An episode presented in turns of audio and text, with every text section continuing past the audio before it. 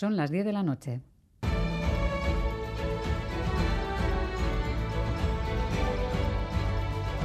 Radio Euskadi y Radio Vitoria.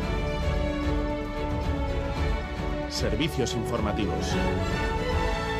Repasamos los titulares de la jornada con John Fernández Mur, Gabón. Gabón, Miriam, noticias de este miércoles 17 de mayo en el que comenzamos mirando a Orio. Cientos de personas se han concentrado en la Rico Plaza en repulsa por el asesinato machista que ocurría ayer en esta localidad guipuzcoana. Gente de todas las edades, mujeres y hombres, niños y niñas, familias y cuadrillas enteras se han reunido para condenar el crimen. Aispea es Naola, portavoz del movimiento feminista. Herria gu ere bai, mugimendu feministatik salatuko dugu beste behin ere indarkeria matxista kasu hau, e, bat gehiago da, etxe barruetan ere gertatzen dira, eta indarkeria ba, matxista estruktural bateren aurrean gaudela. El consejero de Seguridad, Josué Ercoreca, ha explicado cómo ocurrieron los hechos. Siendo como eran, en ese sentido apuntan todos los testimonios que hemos ido recogiendo, expareja, habían quedado expresamente ayer, habían quedado. Él eh, pues traslada al lugar un arma, el arma manipulada a la que antes he hecho referencia,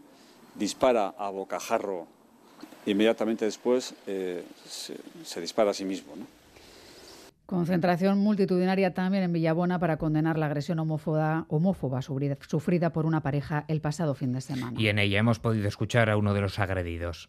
No queremos que esto siga pasando, que paren ya, que cada persona puede pensar, decir y amar a quien quiera. Que esto pare ya y muchas gracias al País Vasco porque nos han acogido de maravilla. No son todos, son unos pocos.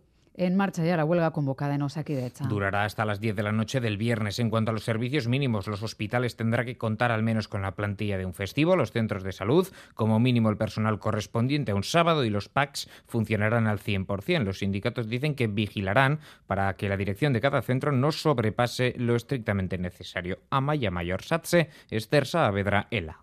La orden de, de, servicios mínimos es eh, parecida a la que hemos tenido en otras ocasiones. Ahora lo que estamos haciendo es vigilar en los centros la gestión que está haciendo Osakidecha de esta orden a la hora de establecerlos. Ya incluye eh, de manera sistemática pues una atención que va más allá de, de lo imprescindible y lo urgente.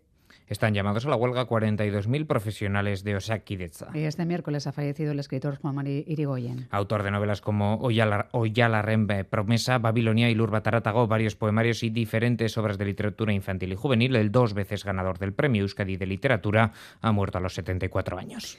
Así terminamos. Más noticias en una hora y en todo momento en itv.eus y en la aplicación ITV Albisteac. Les dejamos ahora con el debate electoral entre los candidatos a las Juntas Generales de Vizcaya. Geruarte. Música